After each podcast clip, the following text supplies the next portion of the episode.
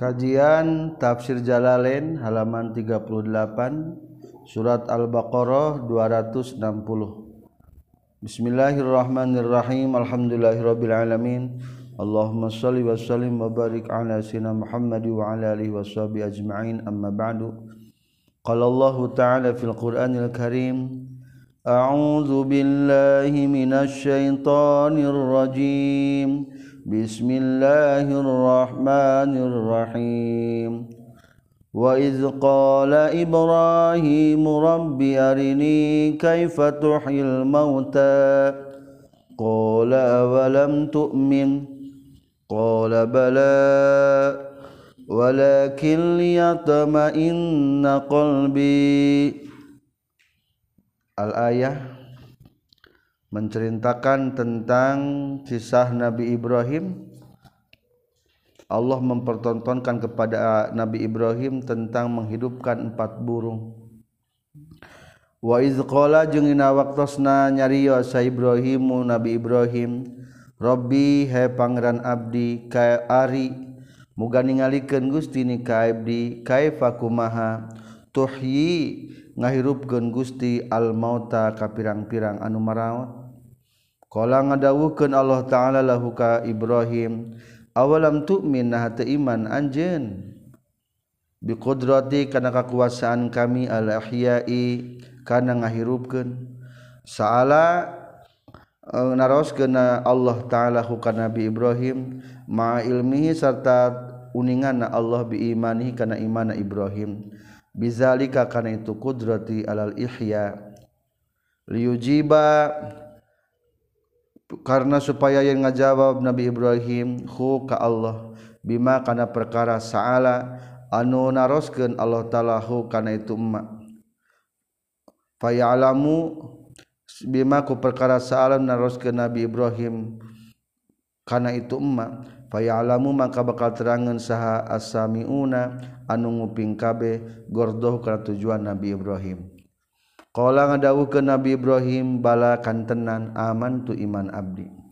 Walakin tetapina sa'altu nanyakeun kaulahu ka Allah ka Rabbi liatma inna karena supaya tentrem. Yaskunu tegas nama tenang non qalbi hati abdi. Bil muayyanati kalawan katingali kupanon dohir. Al mudman al madmu mati anu dikumpulkan ilal istidlali karena make dalil. Nabi Ibrahim yeri Alquran keterusan Nabi Ibrahim debat jeung Raja Namruz. Ketika menjelaskan kerajaan Namruz bahwa Nabi Ibrahim anu bisa Pangeran Nabi Ibrahim anu bisa ngahirupkeun jeung ngamautan. Tapi Nabi Ibrahim gak hayang katingali jelas kumaha cara ngahirupan Allah. Sapali pendapat deui sapali pendapat deui sabab eta pertanyaan Nabi Ibrahim ke Allah hayang terang kumaha cara ngahirupan teh Nabi Ibrahim ameng ka basisir ka pinggir pantai. Panter Tobariyah Tobariyah teh Tobaristan bedanya di pantai Tobariyah Tobaristan Nabi Ibrahim mendakan bangkai manusia sapalihma cenage bangke himar nuges pa, ma, parae pae sapahideima cenage lain bangke himar tapi bangke lauk nu badag hut ari barang geus kitu eta bangke didaharan ku sato-sato galak didaharan ku manuk-manuk didaharan ku lauk-lauk bakat tinggal embrenya pesta we. Akhirnya Nabi Ibrahim ngemut pastakot nafsu ila ra'i yati jamillahilah Hoyong nonton kumaha eta Allah nyusun kendai tulang belulang anu geus buruk itu maka iyalah jawaban ti Allah. Ya Ibrahim lamun anjeun hayang apal cara ngahirupan kami qala ngadawukeun Allah taala fakhuz maka kudu nyokot anjeun arbaatan kana opat minat tina manuk ambillah empat burung. Fasur tuluy kudu nyebarkan anjin nyebarkan atau nibakan anjin hunna karena itu arba'ah minat toir ilaika ka anjin bikasi sodi kalawan dikasrokan sodna pasir. Wadum miha jeung domahna sod pasur. Amil. amil kudu madhabkeun anjeun atawa nyondongkeun. Hunna kana itu arbaatin arbaata minat thair ilaika ka anjeun. Wa qata'na jeung ku neuteup wa qati jeung ku neuteup anjeun hunna kana itu arbaata minat thair wa khluj jeung kudu nyampurkeun anjeun lahmahunna kana daging-dagirna arbaatan arbaatan minat thair wa raisahunna jeung kana bulu-buluna arbaatan minat thair Sumaj'al tuluy kudu ngajadikeun anjeun ala kulli jabalin kana saban-saban gunung min jibali ardika ti pirang-pirang gunung di daerah anjin maksud nama min hunna titu arbata minat toir juz'an kana bagian. Sumad hunna tuluy kudu ngagero ngundang anjin hunna kana arbata minat toir ilaika ka anjin yatina tabakal datang itu arbata minat toiri ka ka anjin saian barina gancang. Syarian teges nama bari gancang. Wallahu wa'lam jeung kudunya anjeun.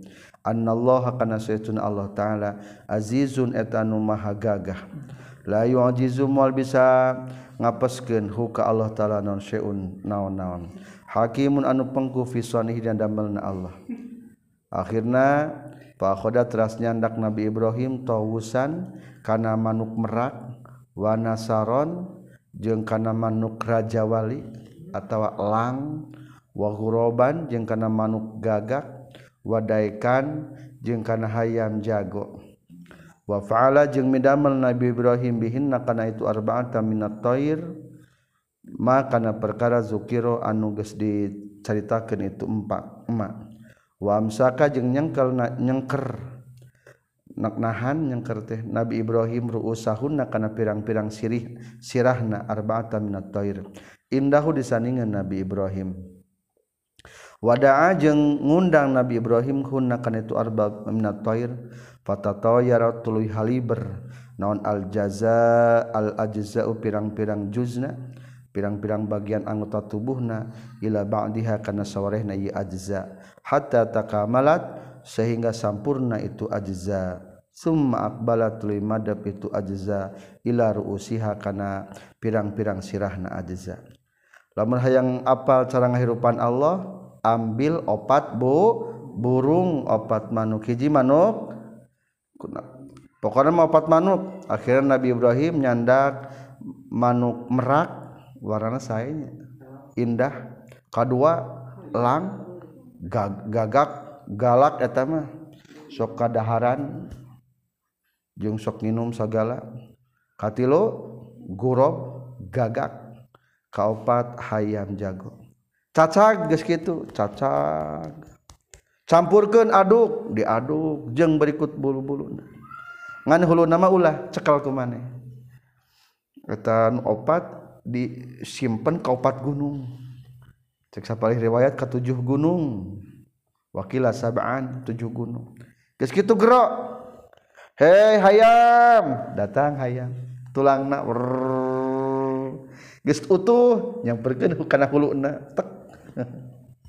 Geus kitu naon? Gagak. Gagak. Geus kitu merak. Geus kitu raja wali. Elang manuk elang. Itulah tata cara ngaharupkeun Allah Subhanahu wa taala kanu geus maraot geus paraehna non sabab dan Nabi Ibrahim nyandak karena opat manuk alpang manuk tuh soalnya Nabi Ibrahim cita-cita naon? Tinggi Nabi Ibrahim. Ketika jeng penak jeng Rasulullah kan Nabi Ibrahim atas di mana? Caket surga di langit ketujuh pendaknanya kedua naon sababna? Gering dicanak tuh opat manuk soalnya kahiji merak merak mah sok huyala jeng ujub bangga jeng ujub pedah indah merenya maksudnya berarti kudu dibuang tas sifat ujub jeung khuyala gumende. Kedua lamun pangnang ngambil burung raja wali atau elang sabab raja wali mah keresupna dahar jeung inum bae. Akhirna etan kudu ditek-tekan kudu dibuang ti urang. Katilu gagak. Gagak mah kada demes. Gagak tenawan gagak mah kada demes. Sok menyimpan makanan nyampan mekel. Tara biasa haritaeun beda jeung menuk piit menuk piit mah isuk-isuk ngala sore enggeus we tara mekel. Hirsun tah hirsun. Kaopat naon hayam ja jago. Hayam jago mah di mana we? Cos. Jadi hari hayam jago mah sahwatun nikahna gede. Motor kita kudu ditek-tek eta tah. Dibeuneh itulah empat manuk yang dihidupkan oleh Allah di depan Nabi Ibrahim.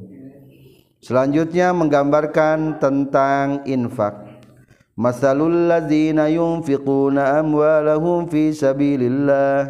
Satu infaknya para mukhlisin masalul lazina di perumpamaan jalma-jalma sifatu nafaqatil ladina tegesna ri sifatan pirang-pirang napakah infak maksudna mah jalma-jalma yunfiquna anu ngainfakeun ieu lazina amwalahum kana pirang-pirang hartana ieu lazina fi sabilillah dina jalan Allah ayat taatihi tegasna mah dina jalan taat ka Allah kama habbatin eta sapertikeun hiji siki. an batas anu ngajadikeun itu habba sab'a sanabila kana tujuh pirang-pirang cabang dahan. Fi kulli sumbulatin tetapnya saban-saban cabang mi'atu habba ari 100 siki. Fakazalika maka tanya kitu deui sapertikeun kama sali habbah ambata sab'a sanabil nafaqatuhum Ari pirang-pirang infakna alladzina yunfiquna amwalahum fi sabilillah.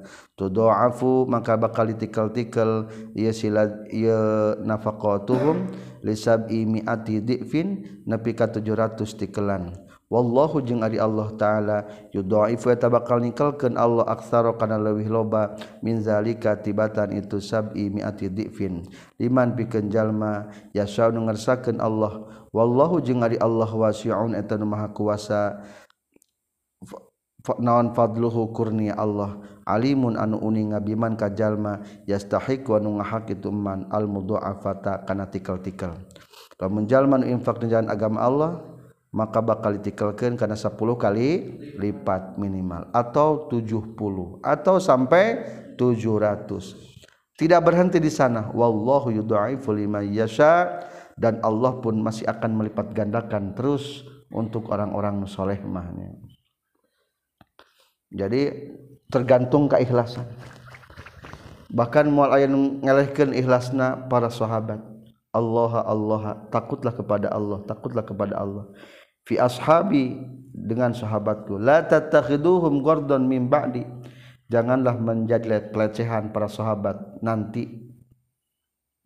Min ba'di. Fawalladzi nafsi biadihi law anfaqa ahadukum mithla ahadin. Kalaulah kamu sekalian menginfakkan seperti yang telah diinfakkan oleh para sahabat zahaban meskipun karena emas lama balagha mudda ahadihim wala nasifahu infakna urang masa kumah bagedena mual ngalehkeun kana samudna para sahabat. Soalna para sahabat mah mengandung kesucian jeung keikhlasan. Allazina yunfiquna amwalahum allazina jalma-jalma yunfiquna nginfaqkeun ya lazina anbalahum kana pirang-pirang hartana lazina fi sabilillah jalan Allah summa la yusbiuna tuluy teu nuturkeun tenganutkeun ieu lazina makana perkara anfaqu anu geus ngainfaqkeun ieu lazina manan kana ngagonggorokan. Ai ngagonggorokan teh nyebut-nyebut jasa. Lamun oh urang uh, lamun maneh teh dibere ku urang mah uh, mulai tah manan alal munfaq ale kajalma nu diinfakanana alal munfaq kanu diinfakan salehi al. Biqaulihim ku ucapanana ieu si jalma masalan umpamana qad ahsantu nyata geus gawe kahadian kaula ilahi ka si munfaq ale. Wajabartu jeung geus nambalan kaula halahu kana tingkahna ieu munfaq ale. Memilukan hiji karena mana ngagogonrokan wala azan jeung tekana pilara. Walahu bizikrizalika ilaman la yuhibbu wa wukufuhu alaihi wa nahwuhu. Ulah milaraan lahu kamun fak aleh bizikri zalika ku nyaritakeun kana lapad tadi qad ahsantu ilai wa jabartu hali ila man kajalma la yuhibbu anu temika cinta ieu si man huka itu munfak aleh. naon wukupuhu cicing na iya si eman alaihi ka itu munpak alaih wanahwihi jeung sabangsana itu zikri zalika. Lahum eta tetepikeun ieu si lazina ajruhum ari paharana lazina. Sawabu infaqihim tegasna pahala infaqna lazina inda rabbihim disaningan pangeranna ieu lazina. Walahum jeung wala khofun jeung teu aya kasieun eta tetep alaihim kayu lazina walhum walahum jeung henteu ari lazina yahzanuna eta bakal prihatin itu lazina fil akhirati di akhirat.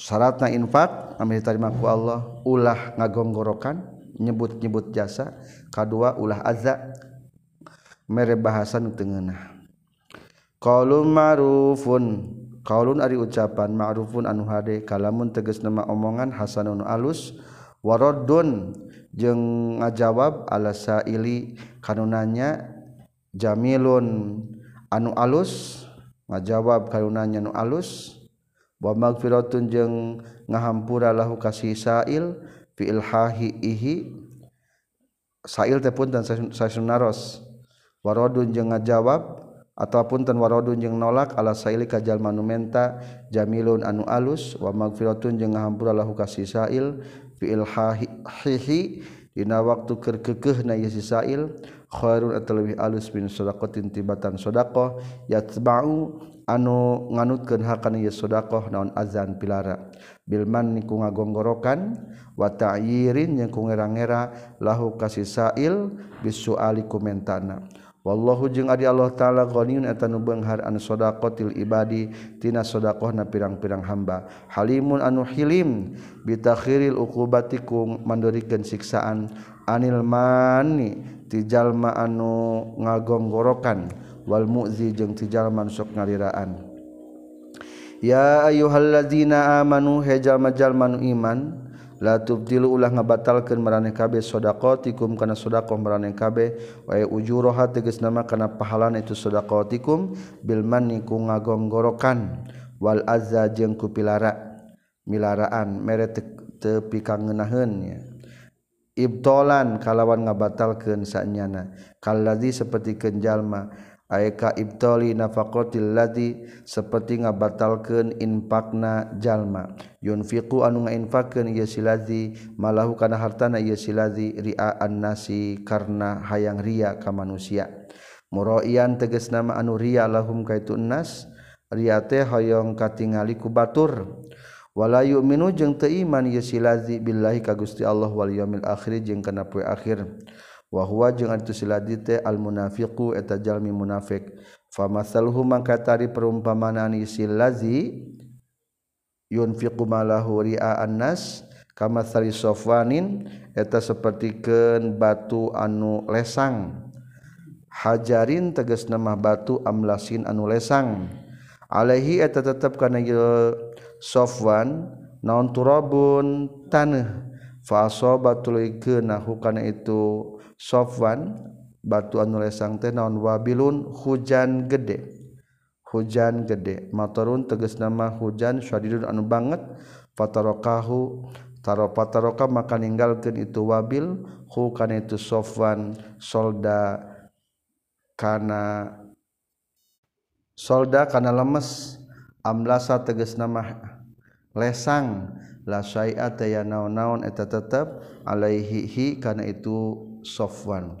Layak diru na mampu itu jalma-jalmi munafikun istifnafun ari ieu eta istina pribayani masalil munafik pikir ngajelaskeun perumpamaan orang munafik al munfiqi anu ngainfakeun di annasi karena ria ka manusia.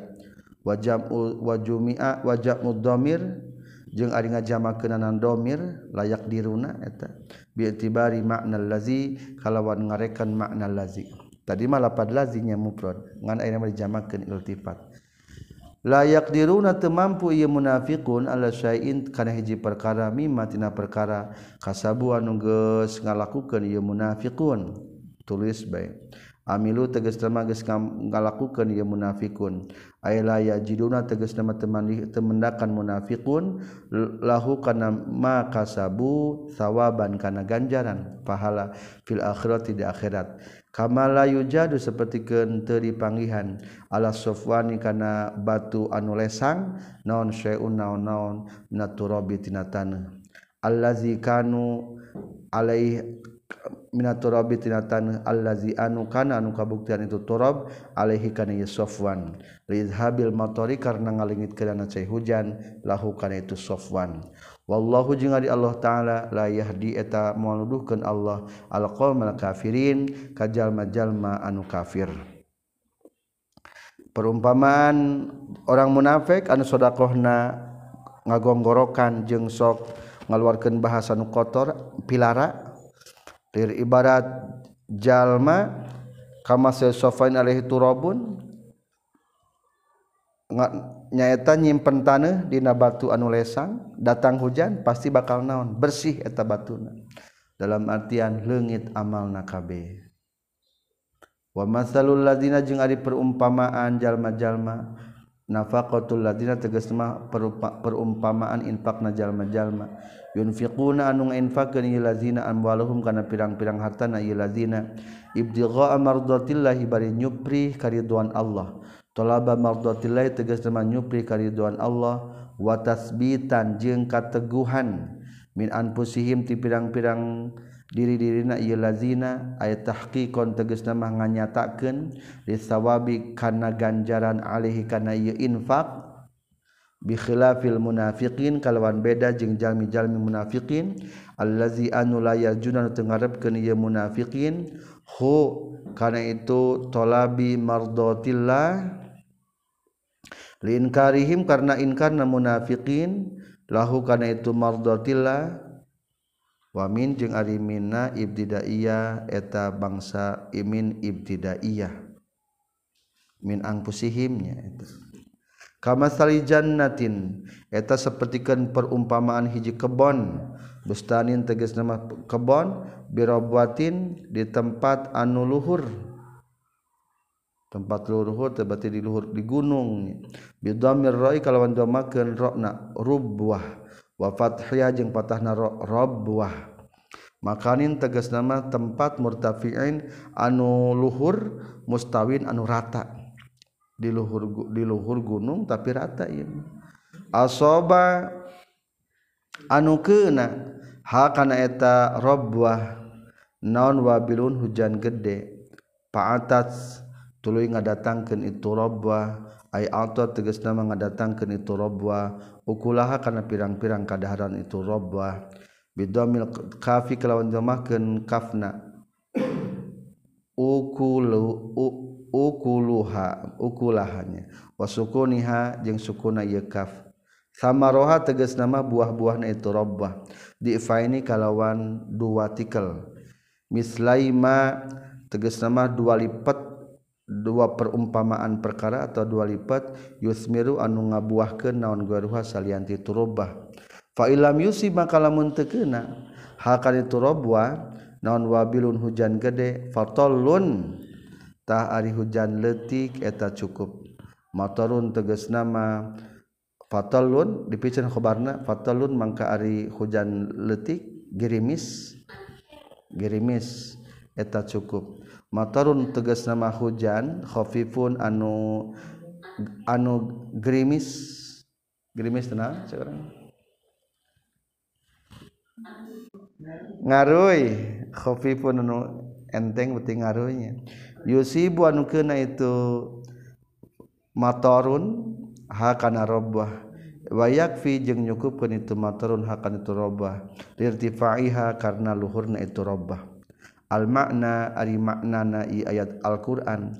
Tusmiru tegesna mangabuahkeun itu robwa wa tazuku jeung tambah jambah jeung tambah-tambah ieu robwah Kasura eta maloba naon al matur hujana am qala tawa saeutik itu matur. Fakazalika mangka eta sapertikeun itu robwah nafaqatu man ari infaqna jalma zukiro anu digesarioskeun itu man. tazku etat bakal tambah-tambah itu nafaqah indallahi disandingan Allah. Kasurat loba itu nafaqahna am qallat atawa saeutik itu nafaqahna Wallahu jeung ari Allah taala bima kana perkara ta'maluna anu bidamel maraneh kabeh basirun eta anu ningali. Fayujazi maka bakal ngabales Allah kum ka kabeh bihi kana ieu ma ta'malun ieu mah menjelaskan tentang jalmanu infak hayang menang ridho Allah. Diperumpamakan bagaikan kebun yang di atas gunung. Di luhur gunung luas. Taruhlah rata jika di Cikajang. Jadi Cikajang gitu Mam. Hujan badak menguntungkan. Buahnya dua lipat. Kadang-kadang di Garutma ayat tumpang Sari satu kuli panen teh bisa tiga macam. Usia tanam empat bulan teh. Tak begitu juga. Iya. Satu kali sodako teh uh berlipat-lipat ganda. Cenah yang hujan. Hujan gerimis ya di pegunungan mah cukup. Dalam bacai hujan gerimis ya perumpamaan sodakohnya. Mata kedasing ikhlas. Ayawantu ahadukum antakuna lahu jannah ieu mah sedekahna jalma nu kagoda ku setan. Aya wadu nahamika resep ayuhibbu tegasna manahamika resep sahadukum salah seorang maraneh kabeh. Antakuna kana yen kabuktian lahu pikeun ye si ahad naon jannatun kebon. Bustanun tegas nama kerbon min nakhilin tina korma wa anabin jeung tina anggur. Tajri anu berjalan min tahtiha ti sahandapeunana itu bustan jannah. tisahanapuna itu jannah. Naon alhan haru pirang-pirang walungan. Lahu pikeun ieu si ahad fi haina ieu jannah. Ay samarun. Lahu pikeun si ahad fi haina ieu jannah. Naon samarun buah? Min kulli samarati tina pirang-pirang buah. wasoba jeung waqad asoba jeung nyata geus hukasi ahad naon alkibaru masa kolot. Kolot fadaufa tuluy lemah ieu si ahad. Minal ku sabab geus kolot. Anil kasbi tina kasab. Walahu jeung tetepikeun ieu si ahad dzurriyatun ari pirang-pirang baru turunan. Duafa'u anu lemah auladun tegas nama pirang-pirang anak sigurun naleutik layak diruna anu teu mampu. Ieu si aulad Alaihi karena ia kasab anil kasbi.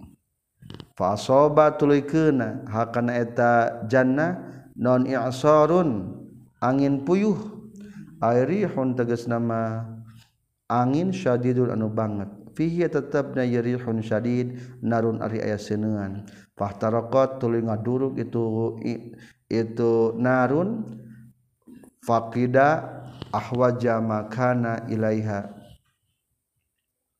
pakida teges nama ngalengitkan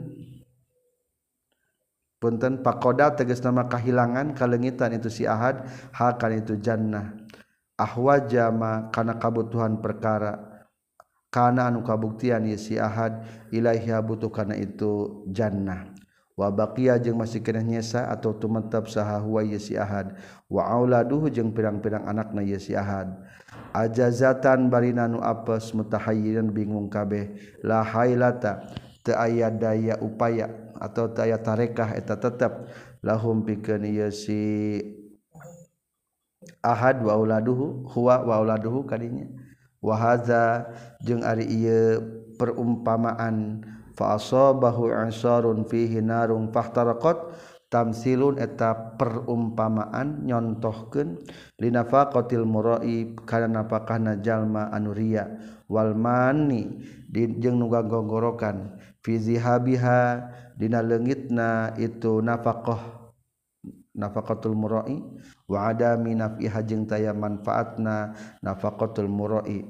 Ahwajama kana pangbutuhna perkara yakunu anu kabuktuan itu si murai. ilaiha kana itu nafaqah fil akhirati di akhirat. Hayang teu lamun geus kolot boga kebon anu loba tangkal kormaan anak laletik kabiayaan ari barang geus kitu datang seuneu kahuruan kebona bea naudzubillahi min dalik. Dalam artian lamun jalma sedekahna teu ikhlas hayang ria subur dipuji ku batur segala ngan keur palebah butuh moal dibikeun buahna. Palebah butuh di akhirat ku pahala teu meunang paha pahala. Wal istifhamu jeung ari istifhamna bi makni nafi kalawan makna nafi ngahenteukeun aya wadu ahadukum naha resep maraneh kabeh. Maksudna mah ulah ra ulah resep. Wa ibnu abbas jeung katam piti ibnu abbas huwa ari itu si ahadukum lirajulin eta pikeun hiji lalaki amila anu beramal ieu si rajul bi taati kana taat. Summa ba'atsa tuluy ngutus lahu ka ieu si rajul sa syaitan syaitan. Fa amila tuluy ngalakukeun ieu si rajul bil ma'asi ku pirang-pirang maksiat. tapi lamun mau tafsir Ibnu Abbas mah cenah ge wahwa ieu ayat perumpamaan teh. Nya ieu tak ieu perumpamaan ahadukum antakuna lahu jannah atawa luhurna tamsil lina, tamsil perumpamaan teh. Memperumpamakeun lalaki anu sok taat bae ari palebah di ujungna ternyata kagak kagak udah ku dididik ku setan akhirna biak sakabeh amalna. Naudzubillah sul khotimah berarti. Kazalika sapertikeun kitu pisan. Kazalika sapertikeun kitu pisan. Asabaha isarun fihi narung fahtaraqat. kama sepertikan perkara bayan ngejelaskan Allah makana perkara. Dukira ceritakan itu mah. Yubayinu ngajelaskeun insyaallah gusti Allah lakum kamaraneh kabeh. Al ayati kana pirang-pirang ayat. La'allakum supaya maraneh kabeh. Tatafakkaruna tatafak mikir maraneh kabeh. Fata'tabiruna tuluy ngalap pitutur ngalap ibrah maraneh kabeh. Ya ayyuhalladzina amanu anfiqu min thayyibati ma kasabtum Ya ayyuhalladzina he jalma-jalma amanu anu iman ieu ladzina anfiqu kudu infak maraneh kabeh. Ai zaku tegas nama kudu zakat maraneh kabeh. Ieu mah batina nerangkeun infak nu wajib nya zakat. Zakat naon? Min thayyibati ma tina pirang-pirang nu alusna perkara. Min min jiadimatina nu alusna perkara kasabtum nunggus usaha meeh kabeh minal malitina harta. Pausahaan urang kulu jakatan berarti mah perdagangan. Wa min thayyibatima jeung tina alusna perkara akhrajna anu geus ngaluarkeun kami lakum pikeun maraneh kabeh minal ardi ti bumi minal hububi tina pirang-pirang siki sikian siki beas makan pokoknya. Wasimar jeung buah-buahan. Berarti merangkan zakat pertanian. Wala tayamamu jeung ulang maksud marane kabeh taksuru tegas sama taksidu ulang maksud marane kabeh al khabitha kana anu goreng. Ar radia anu goreng. Minhu tina itu ma akhrajna lakum minal ard. Ma. Lamun sedekah pepejulah nu gorengna. Ay minal mazkuri tegasna manucaritakeun tunfiquna anu ngainfakeun maraneh kabeh hukana itu al khabis fi zakati dina zakat. Halun alapat tunfiquna tarkibna jadikeun hal min dhabiri tayammamu tina dhamir nu lapat tayammamu. Tunfiquna bari ngainfakeun maraneh kabeh. Walastum bari ari maraneh kabeh walastum bari henteu ari maraneh kabeh bi akhidhihi eta nyokotna ieu rodi ail al-khobis punten. Ayil khobisi tegas nama anu goreng. La utitumu lamun dibere maraneh kabeh hukana ieu khobis fi huquqihum dina pirang-pirang hak maraneh kabeh. Illa antuk midu kajaba pepereman maraneh kabeh. Fihi na ieu khobis bitasahuli kalawan gampang wa ghaddil basari jeung meureumkeun panon. Fa kaifa maka kumana kumaha? Tu aduna ngalaksanakeun maraneh kabeh minhutina yhobis haqqallahi kana hak Allah. Walamu jeung krunya homraneh kabe an Allah kana seun Allah. Goniun tanu beunghar anna tina tina infak maraneh kabeh. Hamidun Allah anu dipuji mahmudun tegas mau dipuji ala kulli halin kana saban-saban tingkah. Jadi sedekah ulah nu goreng. lamun beas nugo nu alus idahar anu goreng dibikin ulah atau nu buruk temenang asyaitanu ya'idukumul faqra. Asyaitan waris setan ya'idu tangajangjikeun setan kum ka maneh kabe al faqra kana fakir. Ayu khawifu tegas nama nyingsinan setan kum maraneh kum ka maneh kabe bihi kana faqra. Inta sodaktum lamun sedekah maraneh kabe patamassaku tuluy nyengker maraneh kabeh. Setan masuk ngaharewa sulah sodako bisi pakir. Akhirnya tertulus bepeta masak. Waya mulu jeung merentah setan kum ka maneh kabeh bil fahsya'i kana pirang-pirang nu goreng. Al bukhli tegas nama koret wa man iz zakati jeung nyegahna zakat. wallahu jeung ari Allah taala.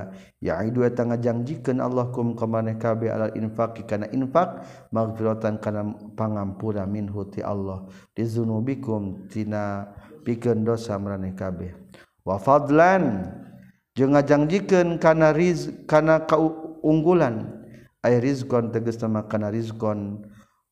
Khalafan baina ngagantian minhu tina infaq.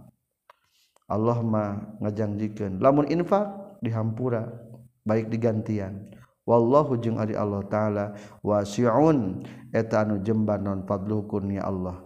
Alimun anu uninga bil munfiki ka jalma anu infak.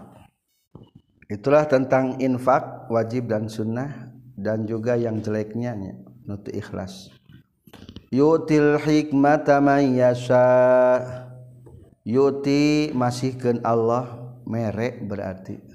Al hikmata kana hikmah ari hikmate ay al ilman nafi'a tegas nama ilmu nu manfaat al muaddi anu ngalakukeun ilal amali kana amal. Ilmu manfaat anu ngudukeun kana amal jadi hayang amal. Allah masihkeun kana hikmah man kajalma yasau ngersakeun Allah. Waman jeung sajal yutan geus diberi itu man al hikmata kana hikmah ilmu nu manfaat bari nu ngadatangkeun kana amal faqad utiyatahnya tagis dibere ieu iman khairon kana kahadian kathiron anu seueur. Lima sirihi karena pangbalikanna ieu si iman ila sa'adatil abadiyah kana kabagjaan nu abadi. Wa ma yazkuru jeung teu eling fihi eta tetep jadi punten wa ma yazzakaru jeung teu eling.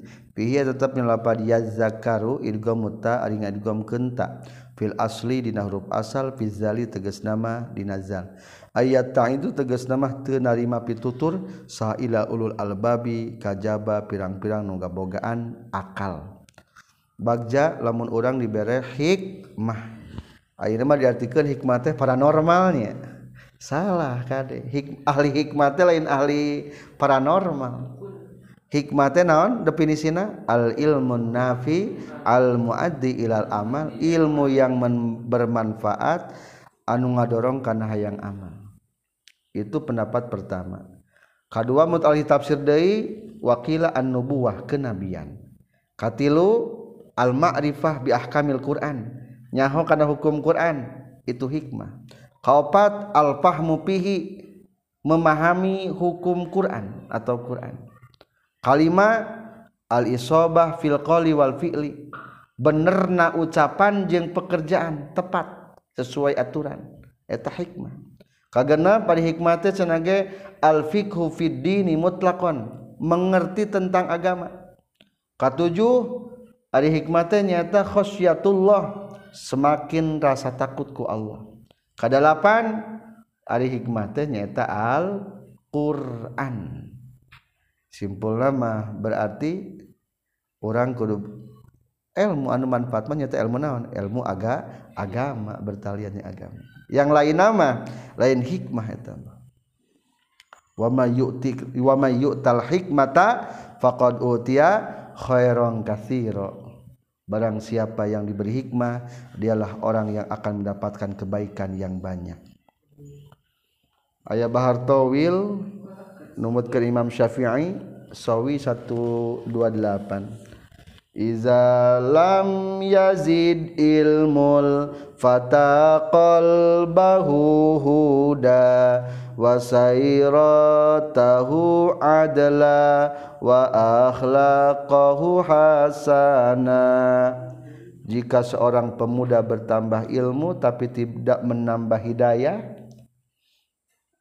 ke dalam hatinya atau dalam perjalanan hidupnya tidak semakin adil atau juga tidak menambah akhlaknya sebagian bagus? Fabashirhu annallaha aulahu nikmatan yankulu biha min liman abadal wasana. Maka berilah kegembiraan untuk dia bahwa Allah sudah memberikan suatu nikmah. Lain nikmah nikmah siksaan. Anu eta siksaan teh bakal disiksa samemeh para penyembah berhala.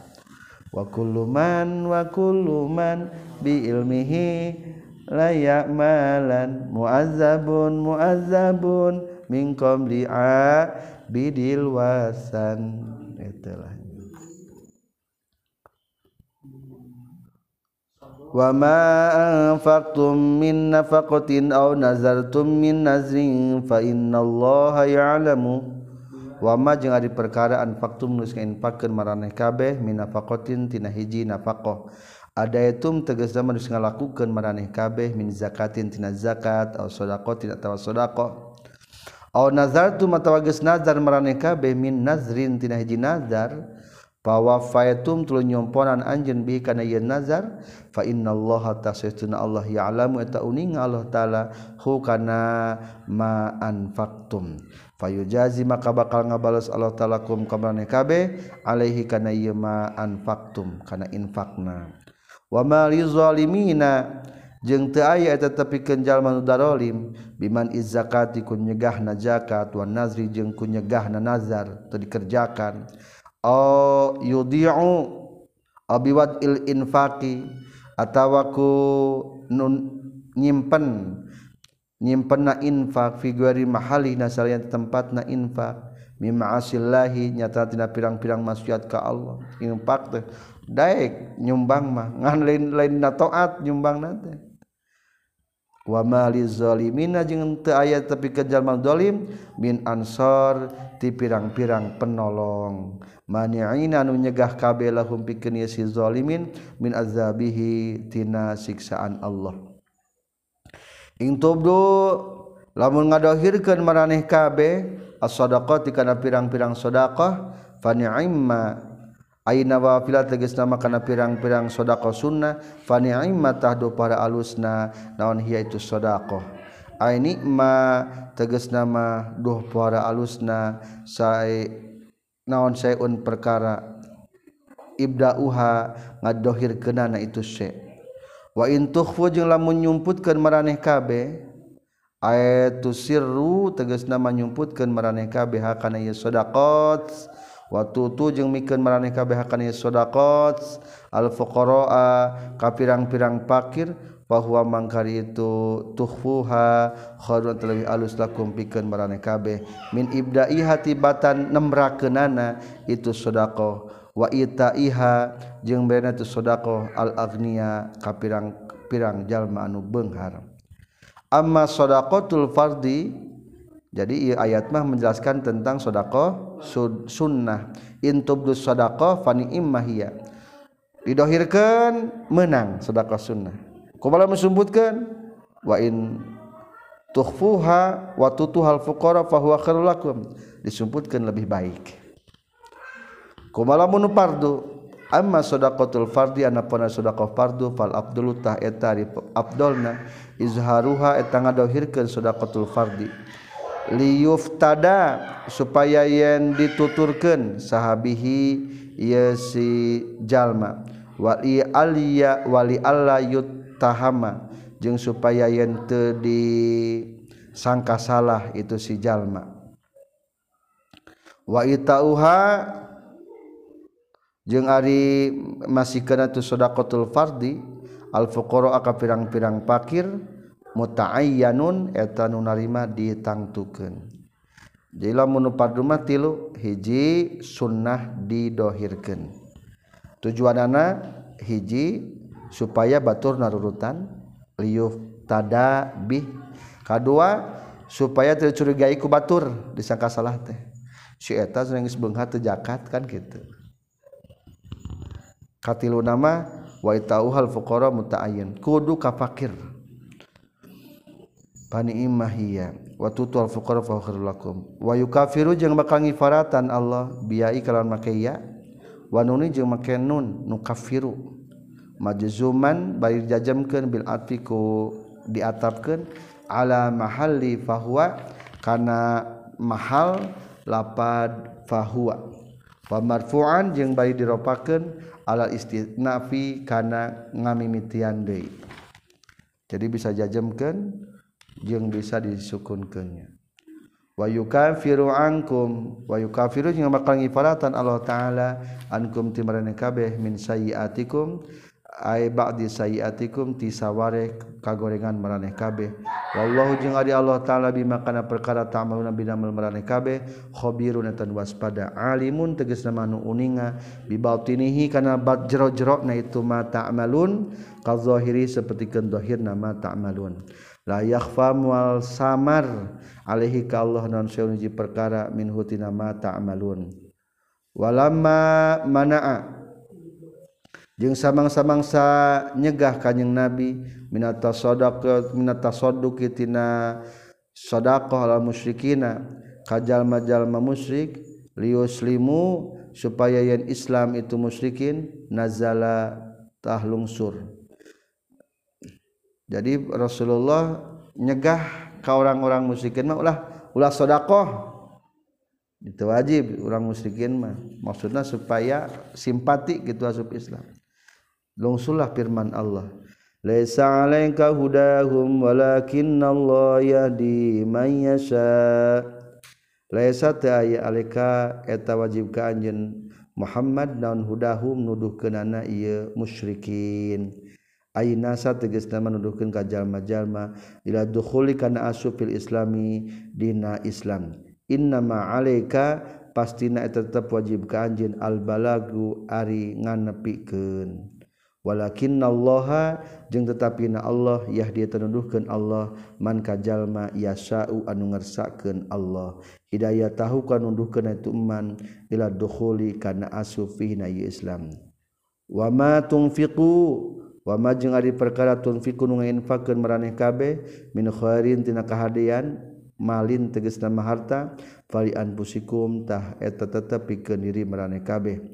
Lianna sawabahu karena karna saestuna pahalana ieu infak laha pikeun ieu anfusikum infak teh tunfiku fiil nama. Wama jeung ari perkara tunfikuna anu wama tunfikuna jeung teu ngainfakeun maraneh kabeh illa bdigha awajillah kajaba nyupri karidoan Allah. ibtigo nyupri wajhi karidoan Allah Allah. Ay sawabihi tegas nama ganjaan Allah. La guerahu tesalian ti sawabihi. Min Allah di dunia tina pirang-pirang banda dunia. Khobarun ari ieu eta bimana khobar bi, khobarun ari khobar punten bimakna nahi eta kalawan makna ngalarang. katana mahobariahnya wama tungfiku illa wajilah. Kamu tidak berinfak terkecuali i mengharap keriduan Allah. Maksudnya mah ulah infak kajaba kudu mengharap ridho Allah. Wama tungfiku min khairi yuwaffa ilaikum. Wama jeung ari perkara tuaf tunfiku nu ngainfakeun. Punten wama jeung kana naon be perkara? piku anu ngainfakeun maraneh kabeh min khairin tina kahadean yuwafa bakal dibales saha ilaikum maraneh kabeh aya naon jazaa'u tegasna balasanana itu infak.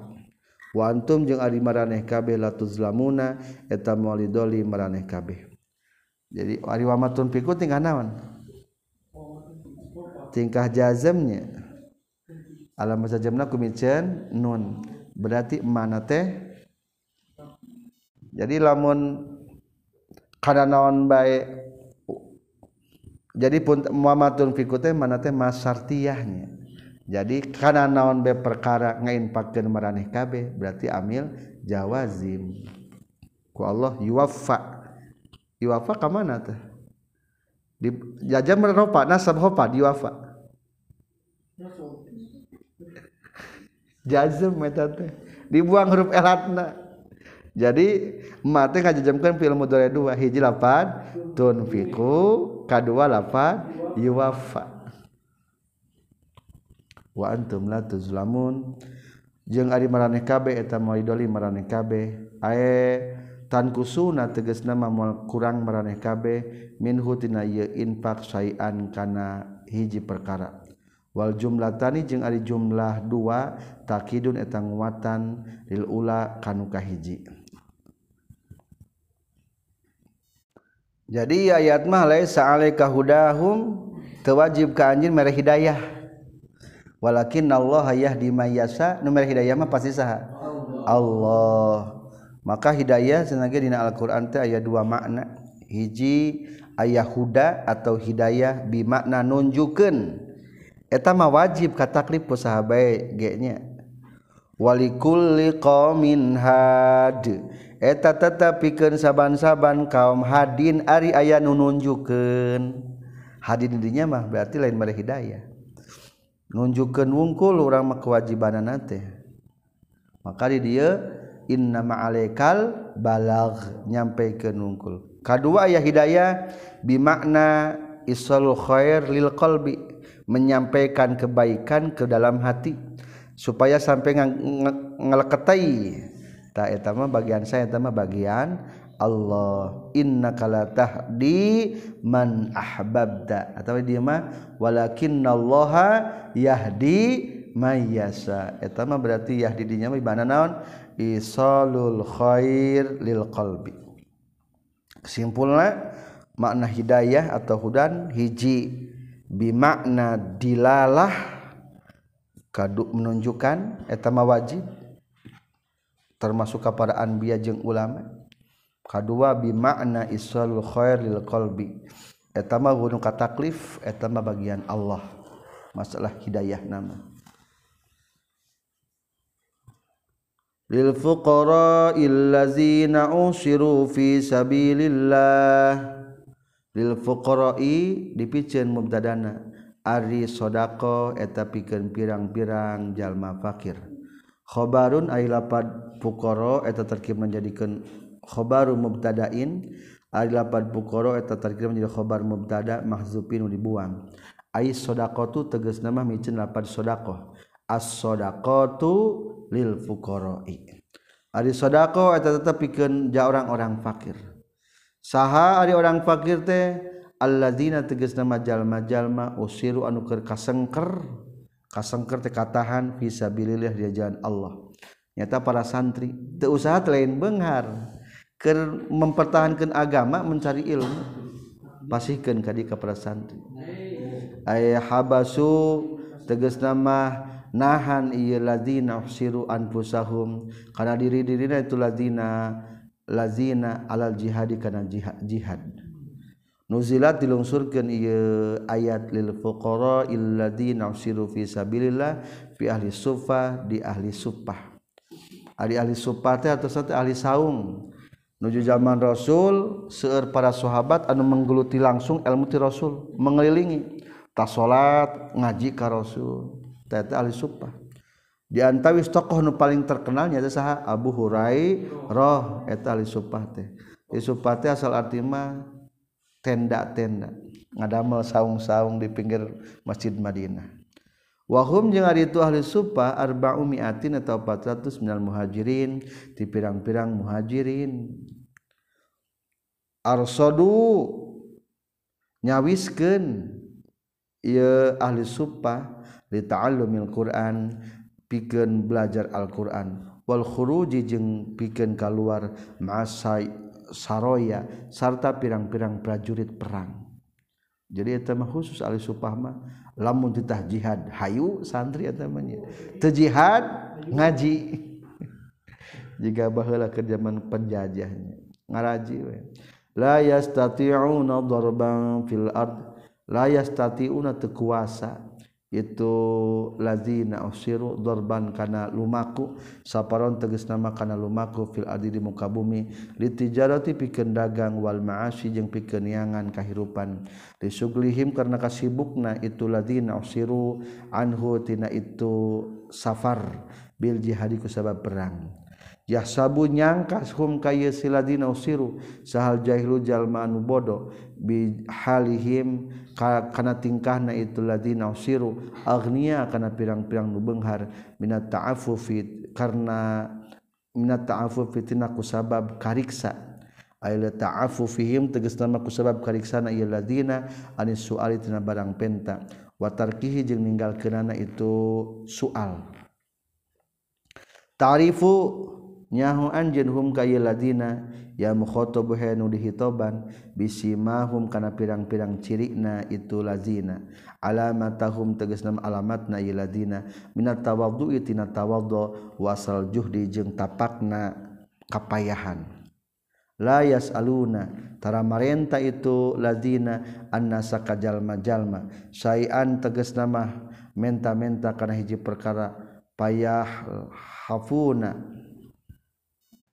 jadi tara menta eta ahli supahmah layas alunan nasa sayan hiji perkara payul hifuna tuluy kekeh ieu ladina usiru ilhafan kalawan kekeh sanyana. Aela suala tegasna tara menta lahum ka itu nas aslan sama sekali. palaya kau mangka tetumiba minhum ti ieu. Lazina usiru non ilhafun kekeh. Wa huwa sareng ari mana ilhab teh al ilhahu eta kekeh. Jadi ayat man rangkeun ahli supah di zaman Rasul para santri Rasul ieu mah. Kahiji usiru fisabilillah katingkeun dina jalan Allah. Sibuk maksudna nama ku dina jalan Allah. Teu ngaji perang teperang ngaji.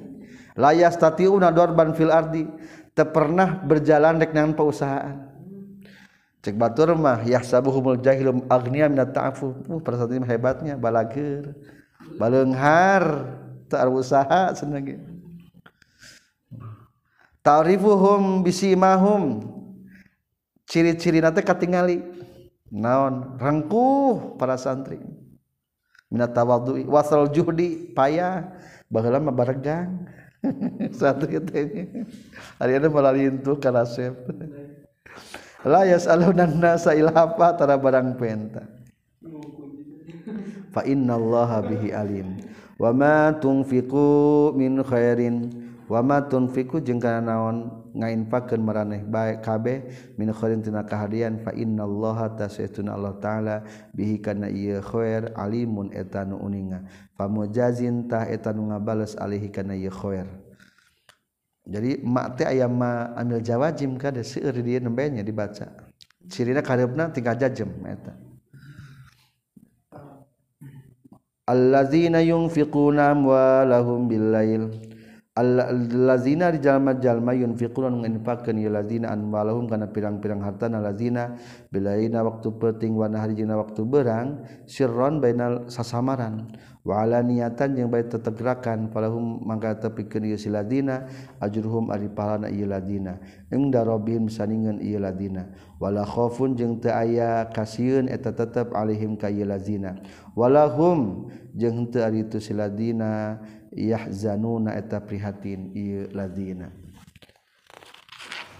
jalma-jalma nu ngainfakeun kembali deui kana infaknya kana harta-hartana siang terus malam terus nyumputkeun terus tetegrakan bakal mendapatkan pahala.